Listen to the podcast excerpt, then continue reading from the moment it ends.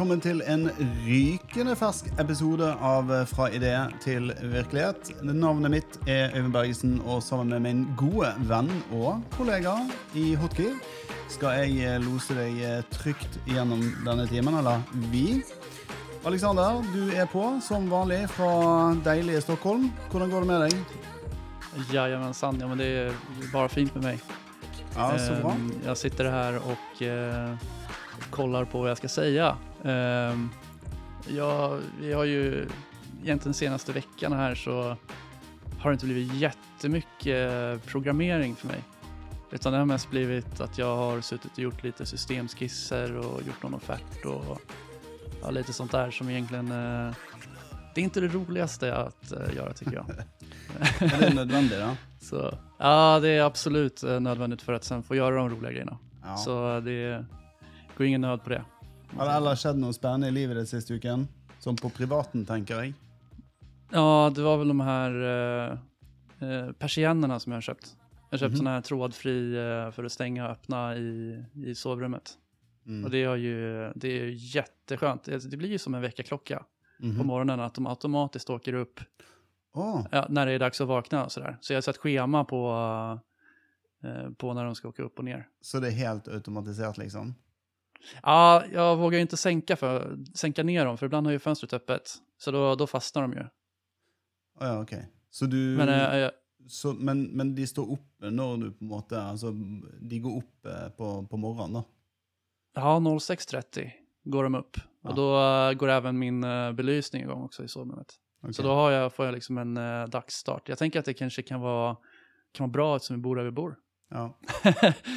Norra delen liksom. Så ja. Nej, men jag kan rekommendera det faktiskt. Jag tycker det är ett jätteskönt sätt att vakna på. Att, uh, Hvor har du kjøpt dette? og- jag köpte det på Ikea. Ok, det. Og hva koster eh, Altså, hva er prisen for en sånn type Uh, jag tror det beror på hur brett fönster du har. mm. Men uh, det var under 2000 var det i alla fall Okay. för en sån. Det var 1000, jeg jag vågar inte svära på det. Runt eh, 1600 kanske. Något sånt. Ja. Så det var Hey. inte, ja. Jeg har jo eh, Kall det automatisk rullegardin her på kontoret, som jeg styrer med en sånn eh, dings som det her. Um, så den ligger på kontorpulten, så når jeg skal ha møter og sånn, så kjører jeg ned eh, den, for da skal vi ha eh, Belysningen skal være riktig, og så videre. Så, men eh, ellers så har jeg den siste uken vært i 70-årsdag til min mor. Eh, så hun inviterte barn og barnebarn eh, på spa-hotell i Loen. I, eh, på et, et eh, hotell som heter Alexandra. Um, med fri tilgang til spa-avdeling og juniorsuiter og alt som var. Og vi hadde jo selvfølgelig med oss våre egne barn. Um, og jeg Jeg trodde jo helt ærlig at to dager på spa, da eh, liksom to, Vi hadde to, liksom, tre dager, to netter, og vi tok sånn gondolbane opp på fjellet der og spiste der. og Vi var i spa og badet og koste oss og spilte bordtennis. og det var treningsstudio der. Det, det var fantastisk fint hotell. Eh, og jeg hadde liksom eh, en tanke om at etter to dager på spahotell, da skal jeg være bra avslappet. Jeg hadde til og med spabehandling, så, med altså sånn rygg- og nakkemassasje og greier. da. Jeg, jeg tror aldri meg og damen har vært så sliten noensinne. Altså, så da vi, var, vi kom hjem, vi var helt skutt. Men hva var verst, da? Jag hörde någonting om, eh, om søvnbrist. Ja, altså greien er jo det at vi bodde jo på en juniorsuite, og eh, Eller fem av oss, vi er syv i familien, eh, med hun som egentlig har flyttet ut. Um, så vi um, Men vi har et barn på to eh, som var ganske snørrete og dårlig og hostet mye om natten. Så det er nok mer det at vi sov dårlig, eh, vi fem som lå på denne juniorsuiten. Um, Eh, men eh, for all del, eh, fantastisk opphold. Fantastisk greie å møte familie som Altså, vi har, søsknene våre er på en måte stort sett spredt for alle vinder rundt i Norge. Eh, og eh, så hur, hur, hur långt ifrån eh, var det här då? Kunde man ta bil eller flög då eller vad gjorde ni? Det er tre timer i bil. uh, fra Molde. Uh, cirka tre, kanskje tre og en halv time. Jeg så ikke på klokken. Inte være så ærlig. farlig. Nei, nei, nei. Det er ikke så farlig, Det var en fin tur. Uh, Så kjørte jeg sammen med min søster, som også bor her i området. Og så har jeg en søster og en bror i Bergen i tillegg som kom derifra. Og så min mor bor i Sandane, da, så kom hun opp dit. Så det, og der er det bare en time fra. Så alle liksom kommer fra forskjellige steder, og så samlet, ble vi samlet vi hele gjengen. Så det var supertrivelig. Eh, fant, fantastisk eh, fin opplevelse.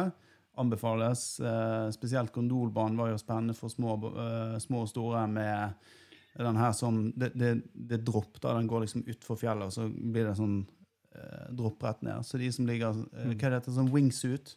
Sånn som de flyr eh, eh, basehopper med sånn wingsuit. Så de også sto oppå der. De tar den gondolen gondol opp, og så Ja, flyr ni, de ni så såg det live? ja, eller? ja, ja. Ja, de, de hoppade i, Ja. ni var der. Ja, ja. Så vi pratet litt med de før de, før de fløy. Så det ja, Nei, så bra uke, bra helg. eh, Veldig slitsomt, men, eh, men bra. Eh, skal vi eh, tenke å fortelle litt om hva vi eh, Innholdet i podkasten i dag. Eh, vi har eh, Vi kan fortelle litt om disse tekniske problemene vi har hatt med videoopptak av podkasten. Eh, forhåpentligvis så ser du akkurat nå eh, podkasten eh, også på YouTube. Eh, og vi hadde jo en plan om at vi skulle ha den live for de to første episodene òg, men videoen vår har eh, rett og slett kuttet ut. Eh, men nå fremover så eh, tester vi nå en ny løsning, og så får vi se om det, det funker. Vi skal prate litt om ransomware. Eh, det er jo et hot eh, tema. Der har vi kommet over en litt artig artikkel. Og så eh, skal vi prate om en eh, gadget som eh, i hvert fall ikke jeg skal ha, men heter AirS Mask. Og så skal vi snakke litt om annonsering på Facebook. Vil si Meta kommer med en ny mulighet for å annonsere. Og så har jeg gjort et sånn knøttlite kodeprosjekt som jeg har lyst til å fortelle om. Og så skal vi også snakke litt om eh, SMS som markedsføringskanal. Um, ja. Skal vi begynne med podkasten, eller er det, har vi på en måte dekket det? Vi hadde jo en plan om at vi skulle spille inn både video og lyd. Vi har publisert podkasten via lyd, men så har vi hatt eh, rett og slett Min video har kuttet ut etter 25 minutter eh, når vi har brukt Sendcaster. Eh, Ja, din- noen varninger varningar eller ting. Ja, det har- Utan det har jo liksom, det, det, det skjer ingenting. Eh, Mm. Og når du går til nedlastingen, så står det at innholdet er ca. en time. Men når du ser gjennom det, så er det 25 minutter. Eller 24 og 25. Eh, og så ja, men vi får, jeg vi får vel helt enkelt se om, om den här videon kommer upp då. För vi vet ifall vi får något meddelande från den här tjänsten. Ja, nå, nå er ikke dette her en uh, Dette er jo ikke en webbasert tjeneste. Dette her er jo en, uh, en, uh, en tjeneste som er eh, Jeg tar opp lokalt. Ja, nå nu, nu hade jag ju ingen aning om det. För att jag sitter ju faktiskt via webbläsaren ja, du kollar det. härifrån. Ja, så Ja. det eneste som kan skje nå, er at din bryter. Hvis, hvis nettet ditt detter ut, da får ikke jeg. Men jeg tar jo opp lokalt her. Så det Ja, vi holder tummarna helt enkelt. Ja. Uh, men det, Ja. I'm, I'm confident. vi får Ja, se hva hvordan det blir. Nei, det blir spennende. Men uh, Uh, vi, jeg satser på Jeg, uh, jeg er bold, så jeg satser på at vi, det ordner seg. Og så blir det litt lettere produksjonsmessig også når vi har satt opp på denne måten her. Men før vi gikk inn i eh, det vi kaller studio, som ikke er et studio, men det spiller ingen rolle For deg som lytter på, eh, så fant Alexander en eh, litt morsom vinkling på ransomware. Men før vi begynner med ransomware, kan du kort forklare hva ransomware faktisk er, Alex? Ja, det er vel en, en utpressningsmetod som man anvender på nätet.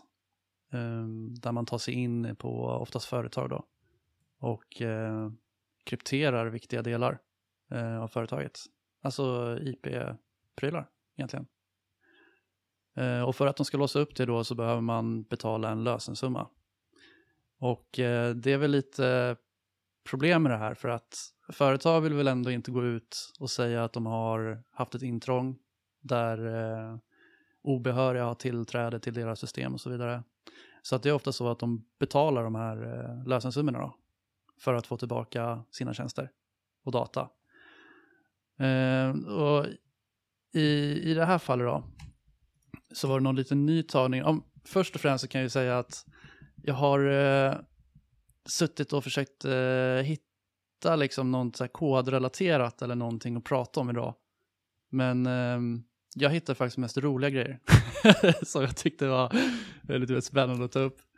Eh, och då, då hittade jag den här på Computer Sweden. I Sverige då det är en, en sida för eh, technyheter egentligen. Och eh,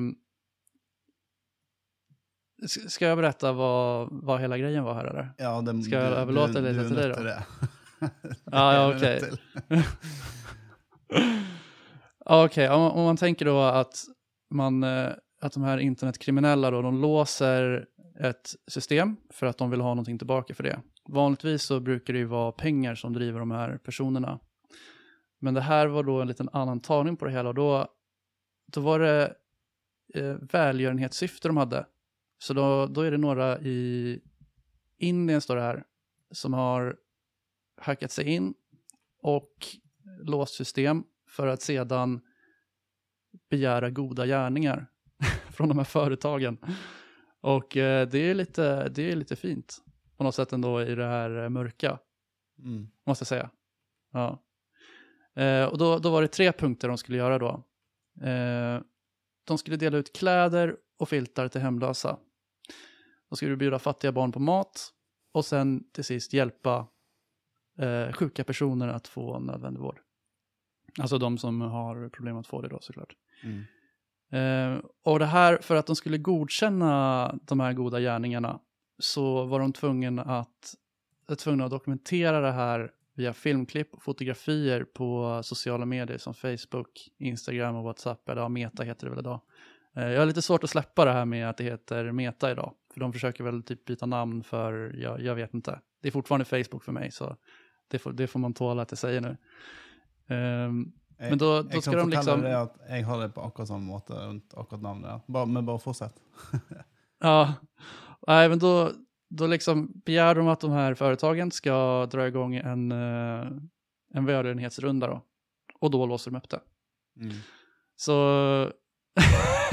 jag skrattade faktiskt väldigt mycket när jag såg det här. För i det här stora hela så är det ju förkastligt att eh, man, man går på företag och håller på med kriminell aktivitet sådär. Men eh, eftersom eh, syftet då var ganska fint så ligger det lite, ja, det var lite roligt tycker jag. Ja, det Vad, vad var din take på det här? Uh.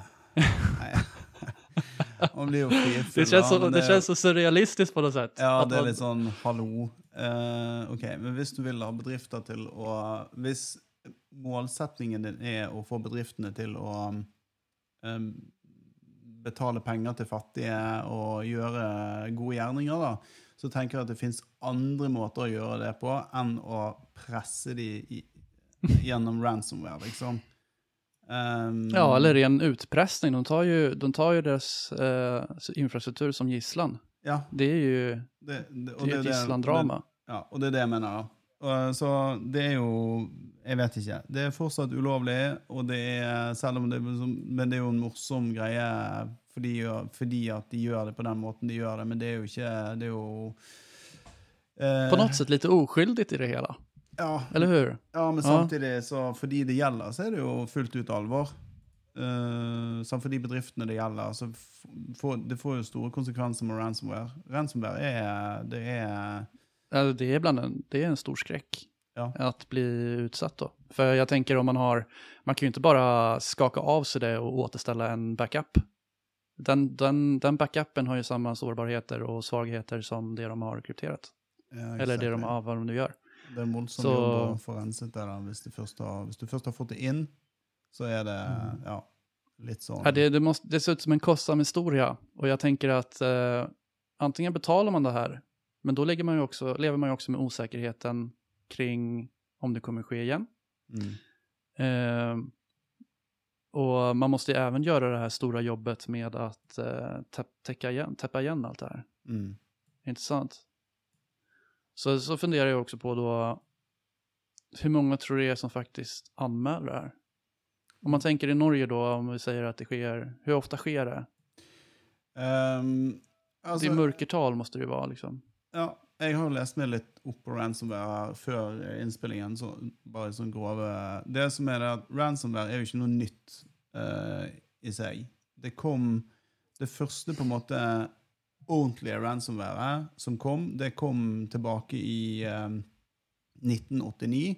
Og det var en som het eh, Joseph Pop, uh, som delte ut 20 000 20 000 infiserte floppydisker. Altså disse gamle lagringsmetodene som vi hadde før i tiden. Ehm, og det han hadde puttet på de, han hadde labelet de med AIDS Information Introductory Diskettes, og disse ble delt ut på Verdens helseorganisasjons AIDS, årlige AIDS-konferanse. Eller en eller annen AIDS-konferanse, jeg vet ikke om han er årlig. Um, og sant, der, til stede på den konferansen, der var jo stort sett forskere, altså mye uh, eh, Altså folk som drev med forskning på aids, da. Eh, sant? Eh, Ja, gode oppsåt. Hæ? Ja, goda uppsåt, Ja. kan man säga.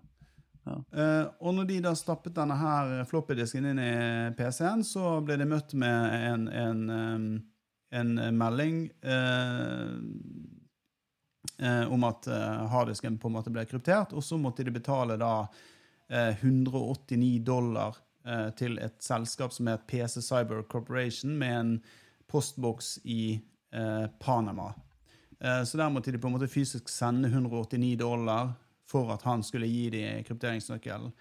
Eh, så for det første så var jo sånn rent teknisk gjennomføring var jo ganske dårlig, fordi at eh, han, eh, noen eh, reverse engineer, engineeret dette her fordi at krypteringsnøkler eh, lå på en måte i, i koden en eller annen plass. da. Et eller annet sted inni der så kunne man på en måte bryte den, da. Sånn at man klarte å liksom låse opp igjen. Så det var jo problem én. Problem to var jo at den gangen så fantes ikke internett, så i den grad vi har i dag, så da gikk han som fant ut dette, her, han gikk ut på radio og TV og fortalte dette, sånn at de fikk på en måte spredd budskapet til flest mulig. Det var liksom måten man gjorde det på før i tiden.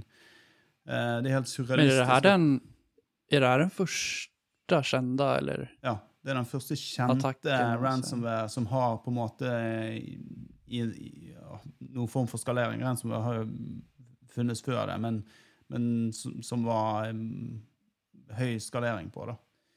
Ehm, men så var jo han her em, Han der eh, Joseph Pop, da, som sto bak dette her, han har jo ikke tenkt gjennom hele greiene. Sant? For det, det er jo klart at disse pengene skulle jo hentes ut i denne postboksen, så det var relativt enkelt å, å finne den. Så, altså, noen måtte jo hente de her pengene. Så han ble jo selvfølgelig arrestert, og, eh, men han ble også han, eh, han ble også eh, straffet, eh, straffet for dette Også, Eh, men han ble vel eh, ikke Hva det heter Han var ikke strafferettslig tilregnelig, som det heter. Altså, han var syk, da.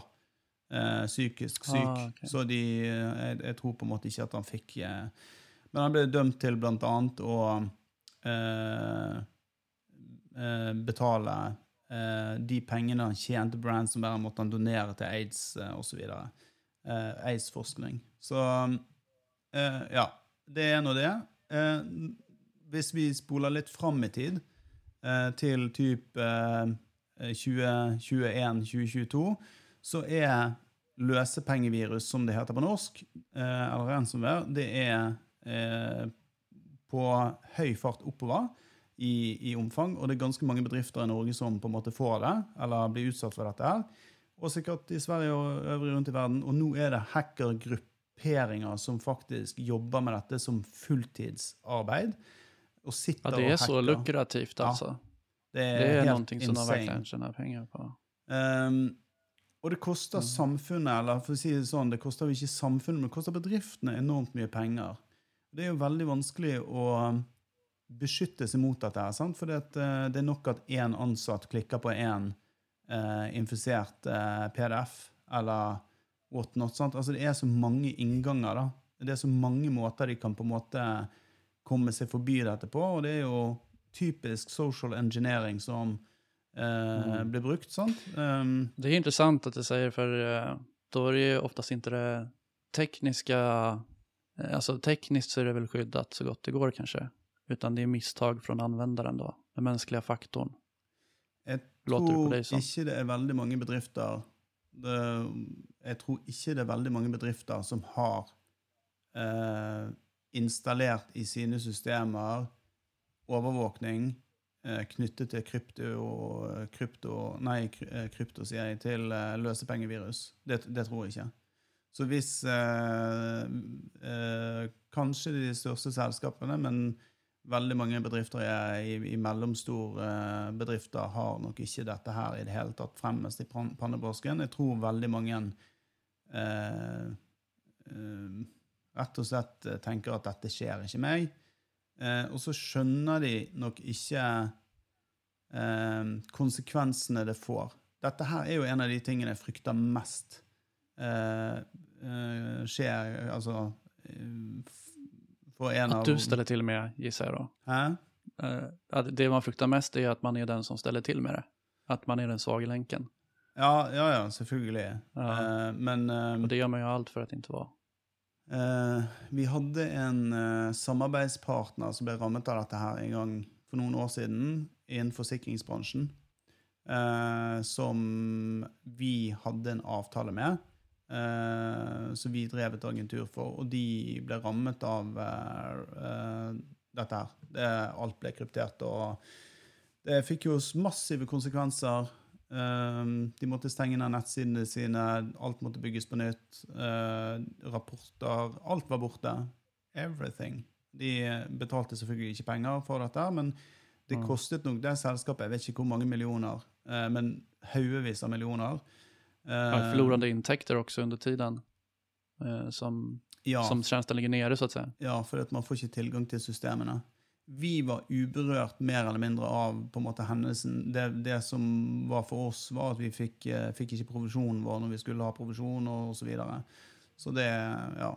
ehm, men ehm, Hmm. Ja. Så Spännande. Ja. Så nei, så um, Men ellers så tror jeg på en måte det at uh, uh, Hvis du ser på større selskap i Norge, sånn som Hydro, de hadde jo et uh, angrep i 2019. Uh, de har beregnet tapene til 800 millioner. 800 millioner.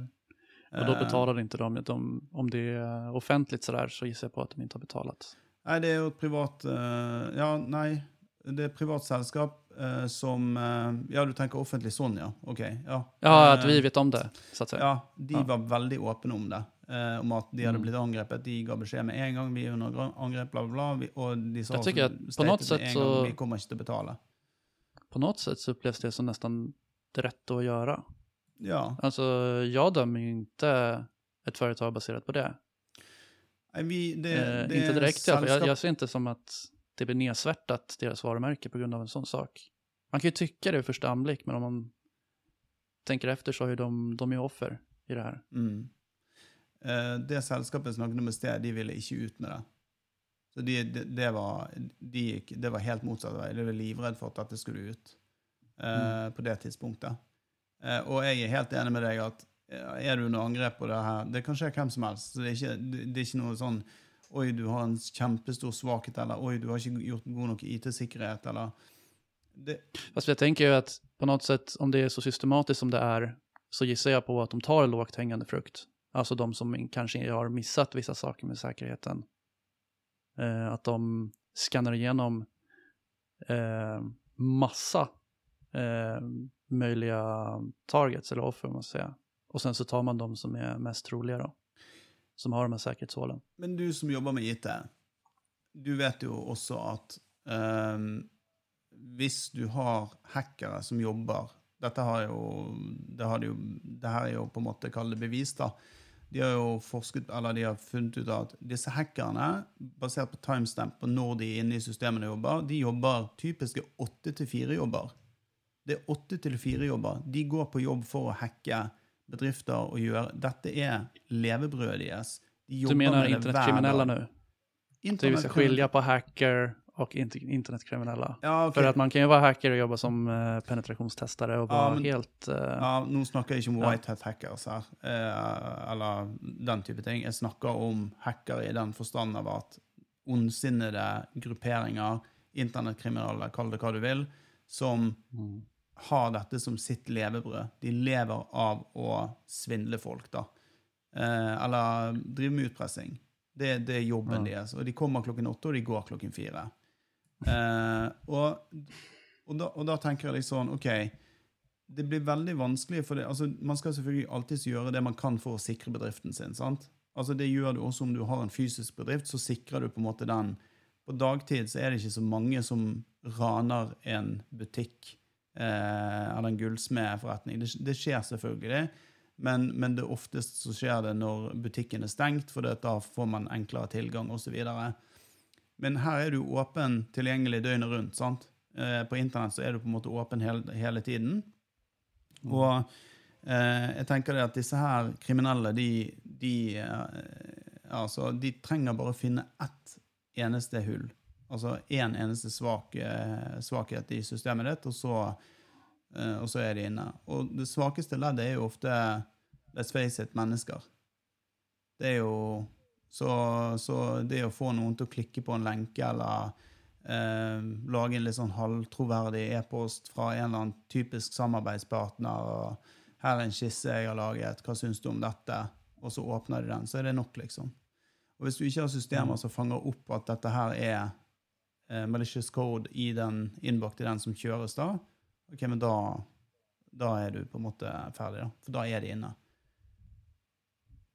Så at man ikke har blivit uh, utsatt, det är lite tur også, da? Ja, altså, jeg tenker at uh, det er Ja, det tror jeg for veldig mange så er det nok uh, litt sånn Det er litt flaks, da. At de, eh, Mm. at de ikke eh, har blitt utsatt. Men eh, eh, det er i hvert fall noe man bør tenke på hvis man driver bedrift, eh, eller jobber i en bedrift, at eh, det kan skje, og at man eh, bør i hvert fall være opp, eh, eh, oppmerksom på det. Det får man jo tenke på, det får man tenke på et projekt som vi hadde förut, så var det noen ja, det var vel en MVP som var ute da. mm. Og så var det en som hørte av seg og sa at man hadde funnet et sikkerhetshull eh, som vi ikke hadde bedt om å få. Ehm, och direkt så blir man ju så här, jaha, hur eh, långt gånget är det här då? Är det här ett hot typ? Eller vad, vad är det för något? Jag brukar liksom bara sålla bort sånt där annars, men eh, på något sätt så reagerar jag på det här. Eh, och sen så fixade de grejerna och takker så mycket. Ehm, och då kom ju givetvis eh, förfrågan om att hålla honom motiverad. Eh, och, och, eller hen, jag vet inte om det var en kille eller tjej då. Men eh, eh, och då gick det upp för mig att eh, det här var ju det här var ju bara rent försök till att få, få pengar för en god gärning som jag inte har bett om. Och jag vet inte, är det ens lagligt att gå och leta sårbarheter eh, som man inte har bett dem om att försöka hitta? Jag, jag vet inte hur det funkar med det där. Gråsone, helt sikkert. Eh, hvis, hvis du driver en bedrift og man prøver å finne sårbarheter, så er det ikke direkte ulovlig. Det er vel ulovlig i det øyeblikket du bryter deg inn. Eh, men å på en måte hvis, du, hvis du tenker på det som et hus, da, og, og du ser at det står et vindu åpent eh, Men det er jo litt klassisk eh, ja, men- analogi. Ja, og Ja. Da, da er det er jo greit. Du kan jo sjekke om porten er åpen, altså den fysiske porten eh, eh, Nei, den digitale porten. Det blir det samme som vinduet. sant? Men i det øyeblikket du utnytter den sårbarheten, da har du på en måte klatret inn vinduet. Da har du brutt deg inn. Men å observere og se at hei, den porten på eh, her er åpen, eller det vinduet er ditt åpent, det er jo, det er jo lov. Det er noe Mm. det er jo tilgjengelig, så det er, det er jo fine, tenker jeg.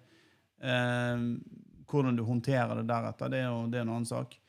Eh, akkurat nå så er det en zero day exploit, eh, faktisk, ehm, som uh, ikke er patchet fra Windows.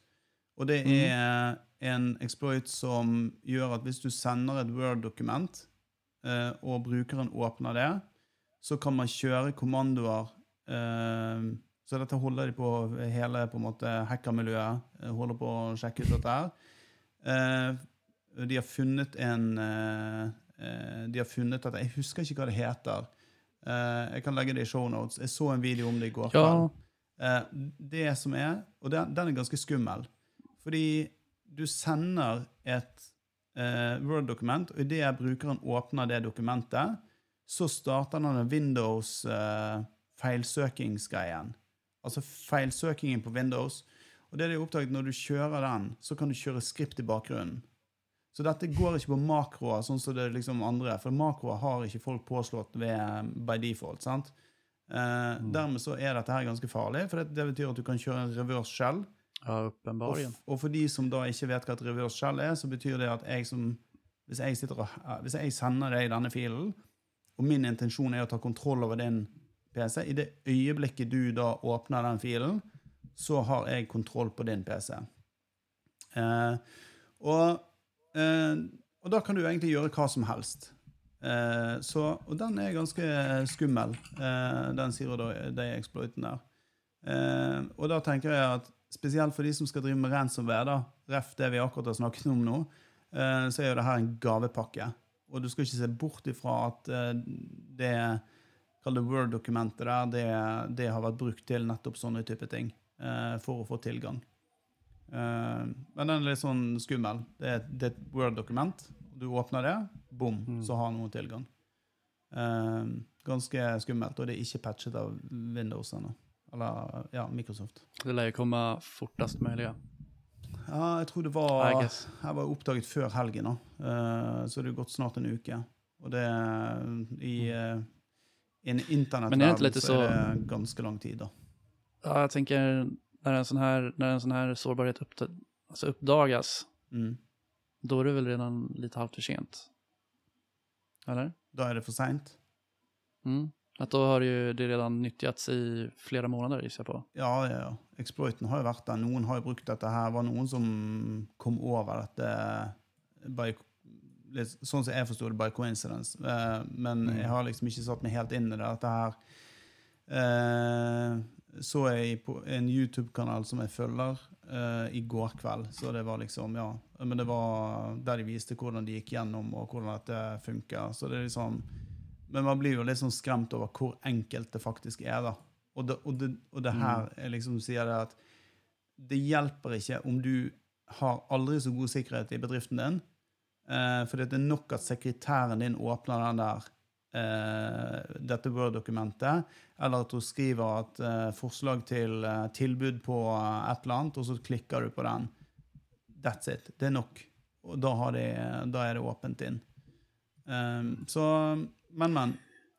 Um, Det ju mycket, jag har tenkt på det, eh, det har bli- blivit en del prat om säkerhet. Och det är ju egentlig egentligen ingenting som, eh, eh, som vi jobbar med så, utan vi jobbar ju från andra hållet lite mer. Att man ska försöka bygga saker som er är säkra. Så mm. det är, det är lite kul. Eh, Men altså, man må jo kunne litt Eller man må jo vite hva som beveger seg i eh, sikkerhetsmarkedet, eller hva man kan si. da. Man må jo vite hva som er mulig, eh, hvordan man kan utnytte sikkerhetshull, da, eller hva jeg skal si. da. Når du bygger en webside, når du bygger en webtjeneste, så må jo du på vegne av klienten sørge for at den er som, så sikker som overhodet mulig. Det vil si at det ikke skal kunne gjøres eh, cross-site scripting, sånne type ting. Altså alt mulig rart av eh, eh, SQL injections. eh, altså alt av disse her. All, når man bygger en tjeneste i dag, så må man, man må jo faktisk også tenke på det, ikke bare smekke det opp og ut. Ja, man, skal man måste ju på något sätt ha förståelse för de bitarna. För att man ska försöka bygga det enligt en praxis eller vad man ska säga som krävs. Eh, för man vill ju inte vara, nej man vill inte bygga osäkra grejer. Jag tycker sånt kan vara lite läskigt. Så jag tycker det kan vara intressant att läsa om. Jag följer faktiskt lite av det, det området också. Även fast det inte är säkerhet jag jobbar med på det sättet. enbart. Eh, men det ingår lite, det gjør det. Og det er spennende. Jeg syns også det er interessant, da, uten at jeg, jeg jobber jo heller ikke med det. Så det er jo ikke noe, Men eh, det er viktig å på en måte vite i hvert fall hva som er mulig, og, og eh, også Mm. eh, Absolutt. Absolutt. OK. Um, Meta, eller Facebook som vi liker å kalle det, de har jo da eh, kommet opp med eh, noe nytt de har tenkt å lansere. Jeg vet ikke når det kommer, eh, og dette har vært for så vidt sånn halvveis tilgjengelig via tredjeparter før. Vi har i hvert fall brukt dette her før. Eh, og det er muligheten for å sende Si at du har en eh, kundebase, da, eller en following. Eh, så de, de kundene som Kall det oppta inn, da, hvis du kjører en Messenger-kampanje på Facebook. Eh, så kan du få kunder til å oppte inn, og så kan de da få tilbud og eh, nyheter fra, fra selskapet ditt. da. Men det her kjenner jeg igjen at vi har gjort, ja. Vi gjorde jo det noen gang i, eh, ja, i i selvsyfte. Ja. Så hadde vi en, eh, en Facebook-sida Mm. eh, og der folk hadde likt. Det var dem vi kunne sende meddelanden til. Ja, og da hadde de noen regler på ja. eh, Du måtte ha hatt kontakt med de eh, siste Om det var syv dager, eller Det var et eller annet sånt, da, så det var på en måte en begrensning. Så jeg tror på en måte Facebook tenker at dette blir en ny markedsføringskanal, og hvis du først opptar inn, så blir det på en måte basically som et nyhetsbrev, tipper jeg, da. Men du kan sende mer som ren markedsmessige greier, som egentlig ikke har vært til, tillatt før, da. Um, ja, og så har man jo bøyd reglene tidligere her, så det er ikke noe Ja. Men uansett, det kommer. Eh, om det blir en bra greie eller en dårlig greie, det vet jeg ikke. Om de tar seg betalt for det eller ikke, vet jeg heller ikke. Det, jeg kan ikke se for meg at de ikke tar betalt for det. Eh, hvis du som bedrift kan tjene penger på det, så må du også regne med at eh, Facebook eh, finner en eller annen eh, finurlig måte å ta betalt per eh, melding eller et eller annet sånt på. Jeg kan aldri tenke meg at de gjør dette her for free. Eh, men det kan, by all means, jeg kan Men ta tror du, på det, tror du på det då? Alltså det här med att få ett påprackat meddelande. Sådär. Visst, du sa ju också att man var tvungen att ha inlett någon form av relation med kunden redan innan man Mm. rett til å skicka det her. Ja, du må jo ha akseptert å motta meldinger Ja. fra selskapet. Hvis du ikke har det, så, så i utgangspunktet så ja. Da tenker jeg at du er positivt innstilt til den merkevaren. Så ja, absolutt. Mm. Du har jo ak- akseptert å få den informasjonen. Eh, men hvis det hadde bare poppet opp sånn et helt ukjent brand i min, eh, i min eh, Nei, det var så litt det som var, Ja. Da får man, det litt, litt lite jobbigt skulle jeg tycka. Du har jo Det er jo i dag så får du jo reklamer i Messenger. Eh, du kan jo få sånne sant? Eh, i Messenger. Eh, du scroller i listen din med kjent, altså personer, så kan det midt inni der så var en, bare en annonse. Mm. Jeg har aldri klikket på det. det bare Ja. I så fall har det vært en feiltagelse. Ikke fordi at jeg har lyst til å kjøpe noe. Er det her noen ting som du har høyt på listan å testa? eh,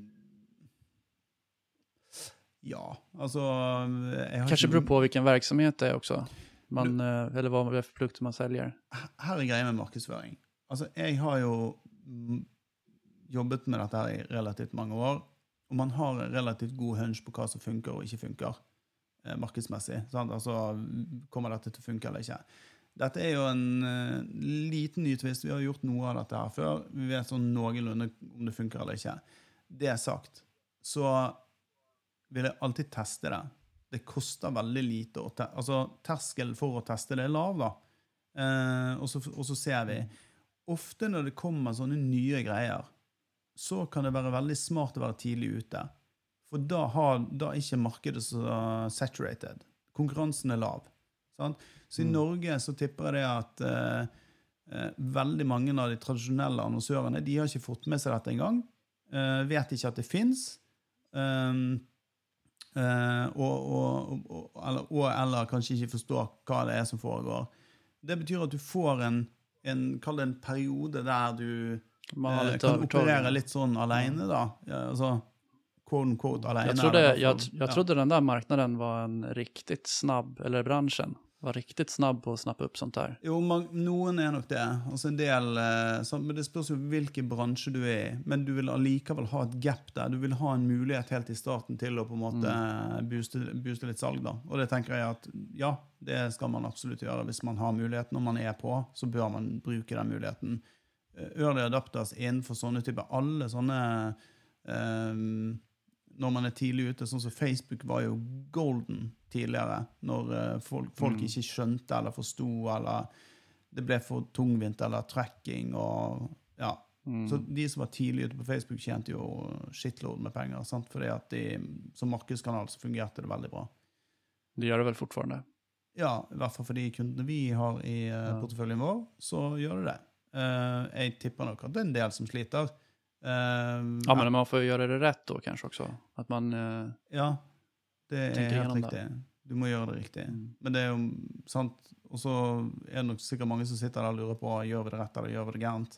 Hvis du ikke har noe benchmark, hvis du ikke har noe benchmark på, da, eller mot, da, uh, Mm. så er det jo vanskelig å vite er mine tall gode eller er de dårlige. Eh, hvor mye har jeg å gå på, sant? Men, men. Eh, Mm. La oss eh, forlate Facebook. Det har jeg gjerne hatt lyst til å gjøre i mange år. Eh, Men jobben min, jobben min tilsier at jeg må være der, eh, selv om jeg ikke liker eh, alle disse her All den lagringen av data som de holdt på med, og, og alle, all her Ja. Alle disse skandalene til Facebook opp gjennom årene. Eh, Cambridge Ja, men det, det er vel litt videre. de, det også, lite de bytte namn också. Ja, skal vi tverte ikke rent fra Det den. hjelper jo ikke. Alle vet jo hva det er. Nej, ja, vi, vi säger ju fortfarande Facebook. Ja, jag ja, vet ja. att vi nämnde det tidigare i, i det här avsnittet. Ja. Det är lite intressant faktiskt. Att det är så illa att man måste byta, byta namn eller byta brand. Ja. Det är intressant. Jeg har eh, jag har en liten ting jeg har lyst til å fortelle. Og det er et lite prosjekt som jeg kjørte i gang her nå eh, for et par kvelder siden eh, for en av klientene våre. Eh, og det var et eh, helt sånn vanlig eh, Litt sånn miniprosjekt som tar liksom et par timer å kode opp. Um, casen er den at eh, vi har hatt eh, et oppdrag hvor vi skal øke omsetning for en av kundene våre på digitale flater. Det har vi gjort eh, til gangs. Eh, eh, sammen med et fantastisk team som de har, eh, med, med dyktige folk. Og så har vi nå slått ny salgsrekord i mai, og så var liksom greien det at vi skulle også finne ut om siste dagen i mai var ny dagsrekord. Da. Og, og de har egentlig ganske gode rapporteringssystemer, men de har ikke noen liksom high score-liste. Så hvis man skulle funnet liksom enkeltvise dager, så måtte man gått inn i det systemet og plukket ut én en enkelt dag. De har liksom ikke en, en ferdig liste. Det, det er ikke sånn de bruker det. Så jeg vil jo gjerne finne ut dette her før morgenmøtet som man da har på morgenkvisten eh, med hele teamet, for å liksom skape litt god stemning. Da har vi liksom eh, månedsrekord, og vi har dagsrekord, og liksom ting flyter på. Det går veldig bra. Eh, og så for å få bekreftet at det faktisk var en ny dagsrekord, så kodet jeg opp et skript som rett og slett en eh, For begynte, dette begynte på klokken 11 om kvelden, bare så det er sagt. og det var gjort som en freebie for klienten eh, for å skape god stemning på morgenen. Eh, så jeg var vel ferdig i totiden etter litt venting, og, for dette måtte jo hente ut denne dataen. Men vi fant jo ut det at eh, vi eh, eh, knuste jo eh, dagsrekorden, da. Den gamle dagsrekorden. Så det var kjempegøy. Eh, og det var Hur, hur hade du reagerat om det hade visat sig att det inte var dagsrekord? Ja, det ikke Det var kjeft. Nei. nei, det, det er jo litt sånn også jeg vet ikke, Det er så lenge siden jeg har kodet, sant? så det er liksom uh, det Jeg vet jeg sitter jo ikke med koding til da- daglig lenger. Det gjør jeg jo ikke. Uh, eller lengre. Det, altså, jeg gjør ikke det. Jeg sitter ikke og koder daglig. Eh, så nå er det kanskje en måned siden jeg har vært på kodetastaturet for å si det sånn, og, og spyttet ut noe, og det var vel Python. Så jeg satt jo der og tenkte hvordan er det jeg gjør dette her igjen? Hvordan var det det var igjen? Så jeg kjente meg sånn her Men det kommer heldigvis fort tilbake, da. Men, og det var, det var så kult å bare gjøre det, og så eh, kode opp dette her. Og så gikk det jo egentlig mer eller mindre flawless. Det var sånn her Ja, jeg, fastnet på sånne her helt noldus-ting, da. Eh, Enkle, helt enkle basisgreier, liksom. For jeg, jeg husket ikke syntaksen plutselig. Jeg var sånn her Mm. jeg var sikkert trøtt og sliten fortsatt etter helgen. ikke vet jeg. Men det, det var seint på dagen. Eh, men jeg fikk eh, Det gikk eh, egentlig ganske fort å komme gjennom det. Og så fikk jeg, satt jeg og så på at eh, tallene spyttet ut i terminalen og ble skrevet til fil. Og ja, det var egentlig Det var en fantastisk følelse, faktisk. Jeg, vet at du pratet om hvor glad uh, jeg ble når vi fikk uh, positiv feedback fra kunder i vår skrivetjeneste. mm. Jag ser samme glede nå når du har kodet. Ja. Nei, det Altså, jeg, jeg syns det Det er Jeg vet da hun jeg, Det er et eller annet med det der å bare du, du lager noe, og så går det kort tid, og så ser du resultatet av det. da. Jeg har jo gjort masse sånne små kodeprosjekter opp gjennom årene. så det er liksom Ja, men de, de är de mest tacksamma. Alla, alla kodjobb är ju inte så heller. Nej. Och sen så det, det är ju också att man ibland kan man ju sitta och alltså, koda i, och ju- har jätteprojekt och inget av det du gör syns. Och ingen vet om att du har gjort det, alla bara vill att det ska funka.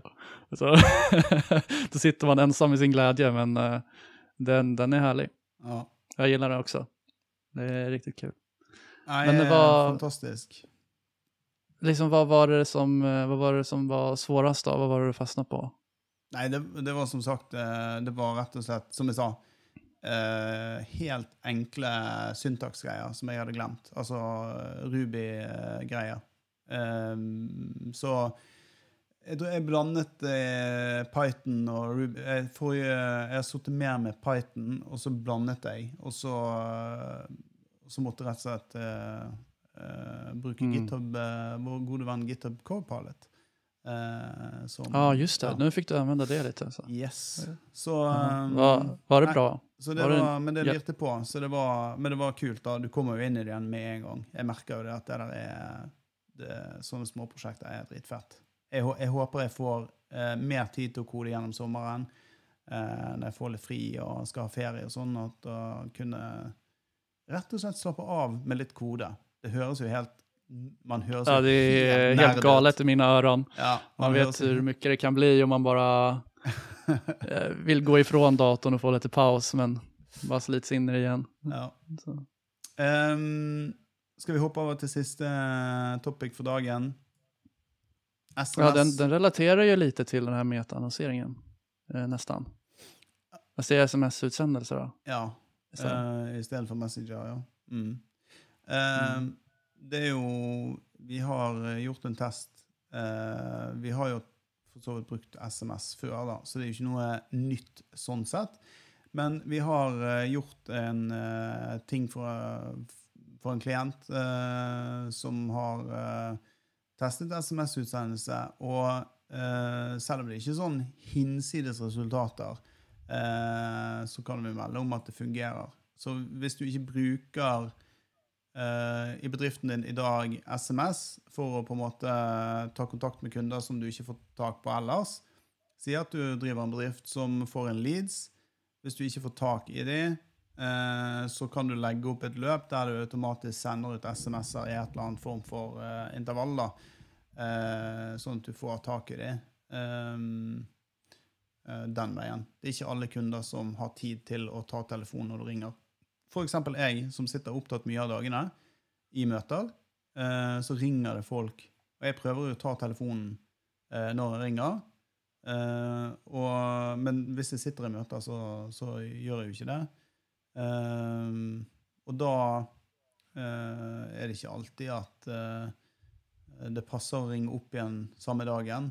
Uh, så glemmer man det, eksempel. Men da, hvis de da prøver å ringe flere dager, så prøver, prøver man jo selvfølgelig. Men jeg tror mange kunder er opptatt, da, på samme sett som alle andre. Og hvis det ikke er viktig for dem, de vet jo ikke hvorfor du ringer, eh, da faller også interessen ganske kjapt. Men eh, vi har jo eh, Det som eh, vi har brukt, da, er jo noe som heter Twilio. en tjeneste som heter Twilio, som man kan sette opp sånne SMS-utsendelser i. Så det er et godt tips for deg hvis du ikke vet hvordan du skal sette det opp. Bruk eh, den tjenesten Twilio. Det er no code-løsning. Eh, så du trenger ikke være utvikler for å på en måte bruke Det er fint om du er teknisk eh, Om du har litt teknisk kompetanse, men du behøver liksom ikke være spesialist. Her er det du kan legge inn Excel-skjema, og så leser den fra den Excel-en, og så eh, poster den, og så poster den tilbake igjen også svar. F.eks. hvis du vil sette opp sånne her eh, spørreundersøkelser eller sånne type ting. Også, ja, 'Hvorfor ville du ikke kjøpe hos oss?' Uh, og så får du svarene postet rett inn i Excel. Det, det där det påminner lite om uh, en sak som jag byggde. Det var Mm. också en, ett fri, en fritidsgrej Mm. som jag byggde för, uh, på ett eh, jobb som jag hade förut. Uh, där vi, vi jobbade tillsammans också, det var startup. Um, och då var det också läsa in Excel-filer, skicka sms-utskick eh, och sådär. Men det, jag, jag funderade lite på en sak. Hur funkar det med typ GDPR och samtycke när det gäller att skicka ut sådana här sms? Uh, ja. Uh, uh, disclaimer, først av alt, jeg er ikke advokat. Eh, så bare det er sagt. Eh, så jeg går ut ifra at eh, før du begynner å sende SMS til kunden, så har du enten et gyldig samtykke, eller så er du innenfor behandlingsgrunnlaget. Eh, og det er klart at Hvis du skal drive og sende markedsføring til kundene, så har jo ikke det noe med oppfyllelse av avtale å gjøre. Da er du ikke innenfor behandlingsgrunnlag. Men det er veldig mange som tror at du trenger samtykke for å sende. Si at en kunde ber om et tilbud. Si at en kunde ber om et forsikringstilbud, da. Vi er jo ofte inne på det. sant? Jeg ber om et forsikringstilbud. Jeg trenger ikke kundens samtykke eh, for å sende han det tilbudet, eller for å behandle de dataene og følge opp det tilbudet. For det er innenfor behandlingsgrunnlaget. Kunden har bedt meg om å gjøre en jobb. Eh, han har bedt meg om en tjeneste, og jeg gir den tjenesten. Og så er det sånn, på et eller annet tidspunkt så har du en cutoff. For jeg har ikke lov til å kontakte den kunden i to år. Akkurat når det gjelder forsikring, så til, til, det gjelder det 30 dager. Og så hvis ikke kunden vil ha det, så må du på en måte slette dataen. Så det gir seg sjøl akkurat der. Men det kan være andre bransjer, f.eks. markisebransjen eller solskjermingsbransjen, hvor du eh, ber om et tilbud fra et solskjermingsselskap.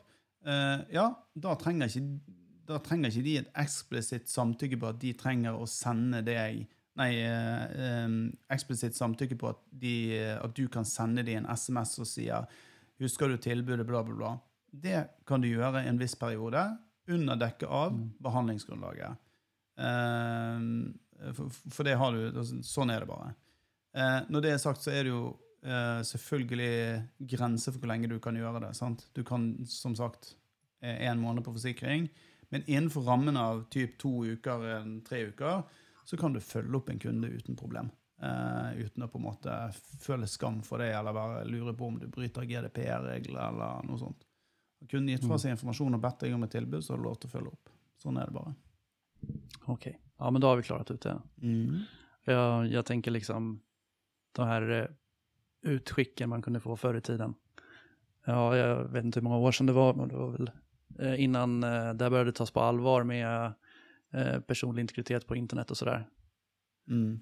Före GDPR var, slog till? til. ja, precis. Mm. Då, det var inte, det känns som att det har blivit lite mer rumsrent nu på något sätt. Ja, men egentlig så har jo regelverket vært relativt likt, i hvert fall i Norge, eh, siden starten av 2000-tallet. Det som er forskjell med før og etter GDPR, det er at eh, det ble tydeligere at du får en bot. Eh, og man ble mer på en måte, men eh, rent prinsipielt så og, så er det kommet noen regler i forhold til at eh, dataekstrakten skal være eh, i et format som er lesbart format, og så altså, altså sånne type ting. da, sånn Maskinlesbart format, bla, bla. Det er ehm, det, det en, eh, Vi brukte en gang i tiden en eh, advokat som het Jan som heter Han he, heter ikke, han heter fremdeles Jan Sandtrø. eh, han er ikke død. Han er høyst levende. Eh, han er spesialist på GDPR og, eh, og sånn eh, den, den, Akkurat den type problematikk som vi egentlig nå er inne på. Så hvis man lurer, hvis du er usikker, ikke send ut en SMS hvis du er usikker på om du har eh, enten A, behandlingsgrunnlag, eller 2, eh, gyldig samtykke. Hvis du ikke er sikker, ikke send ut noe. For den smellen du får i bakkant hvis du eh, sender ut noe til en kunde, da kan du få foretaksbot.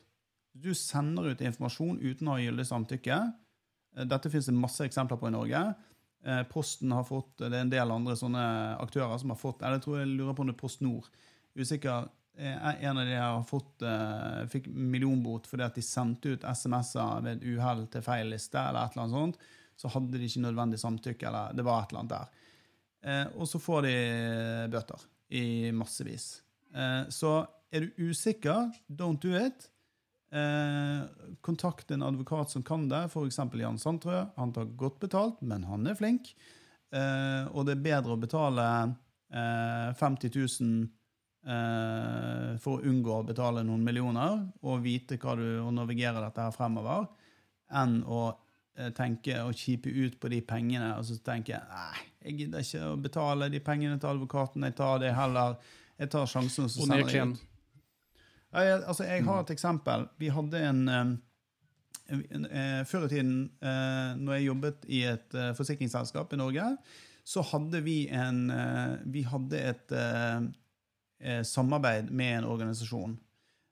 Så var det, og da var samarbeidet sånn at eh, den organisasjonen ga oss lister med navn på sine medlemmer, og så skulle vi ringe og selge forsikring til de på, en eller annen deal.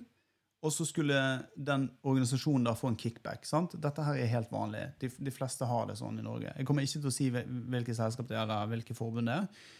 Um, men det var nok én kunde, én eneste kunde, eller én kunde i det forbundet, sa at hei, eh, dette forbundet mitt har aldri Jeg har aldri gitt de tillatelse til å gi fra seg mine persondata til en samarbeidende tredjepart.